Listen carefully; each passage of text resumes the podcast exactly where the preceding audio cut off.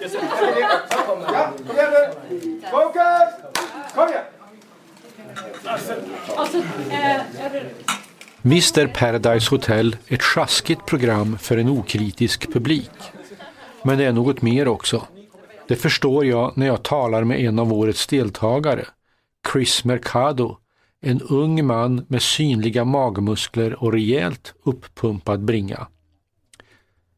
Han står i likhet med övriga medverkande till pressens förfogande efter en förhandsvisning av höstens första avsnitt. Journalisterna, lika unga som deltagarna, har applåderat och verkar överförtjusta. De har fått se ett program som är mjukporr för tonåringar.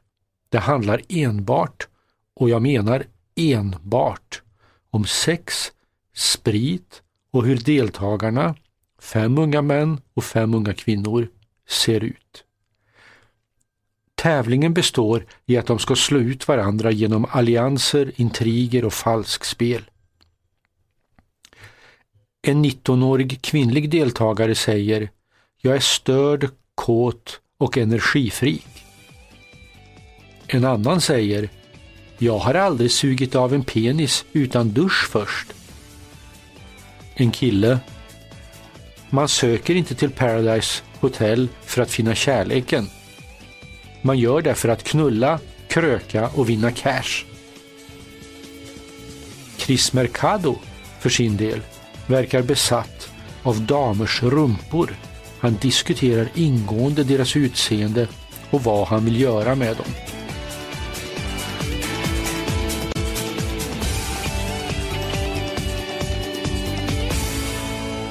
Så blir det extremt intima, något vardagligt, kvällsunderhållning för de unga och det är ganska obehagligt. Jag känner mig smutsig när jag sett programmet. Men här, på TV3s och moderbolaget MTGs huvudkontor på Söder i Stockholm, är det jag, en 59-årig reporter, som är avvikande. Kollegor och produktionspersonal kommer fram och undrar vad jag har där att göra. Var lite snälla mot dem, säger MTGs pressansvarige Anders Kilander till journalisterna innan deltagarna anländer. Och farbror Tryckfelsnisse, säger han, har varit framme i presentationen av en av deltagarna.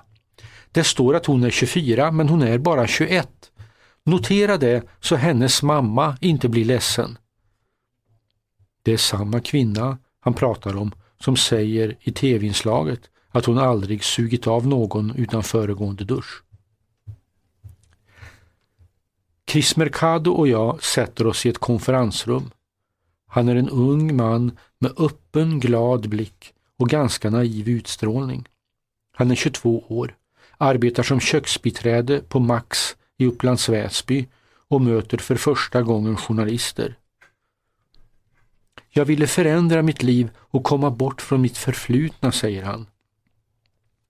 Han hade gjort slut med sin flickvän. Han var deppig. Han sökte till Paradise Hotel. Chris Mercado växte upp i Rinkeby, som man säger var världens bästa plats för barn. Lekarna, sammanhållningen, den fantastiska fotbollsplanen. Men hans föräldrar bestämde att de skulle flytta till Sollentuna så att han skulle lära sig felfri svenska. Det gjorde ganska ont när vi lämnade Rinkeby, säger han. Det där, det är en berättelse om den strävsamma invandrarfamiljen. Men i Chris Mercados historia finns ytterligare en dimension där vi kan se den som står långt, långt nere i samhället och som hoppas på att i ett slag förbättra och förändra sitt liv. Under depressionen i USA på 1930-talet dansade unga desperata människor tills de kollapsade för att vinna prispengar. När den unge Cassius Clay hade vunnit sin första stora seger, OS-guld i Rom 1960, köpte han klockor för 400 dollar åt sin mamma och pappa. Det var det första boxningens största gigant gjorde när pengarna började rulla in. Det finns en likhet mellan Paradise Hotel, maratondans och proffsboxning. Det är på sätt och vis freakshow, något vi kan betrakta och förfasas över och vi hoppas på blod och sensationer. Så här skrev uppslagsverket Nordisk familjebok 1925 om proffsboxning. Tyvärr har den amerikanska sensationslystnaden fört in tävlingsboxningen på osunda och motbjudande vägar där de professionella matcherna om väldiga förmögenheter hotar att förkväva den uppfostrande och sunda amatörboxningen.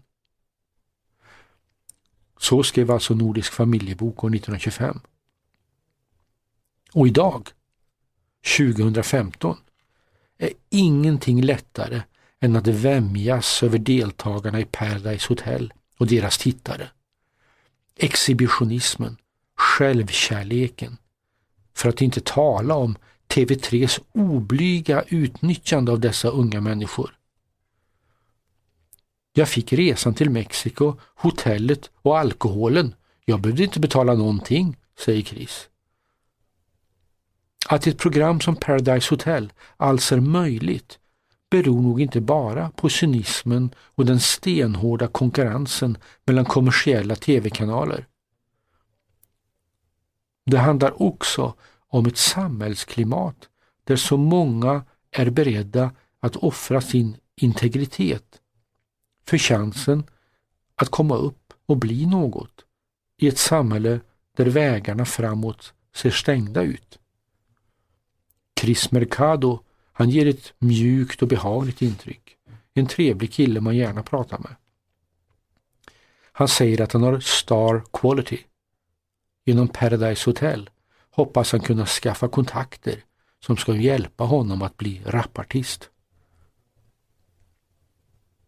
Prissumman i dokusåpan är 500 000 kronor. Om Chris vinner ska han använda pengarna till att betala sin 52-åriga mammas lån. Som tack för att hon har tagit hand om mig, säger han.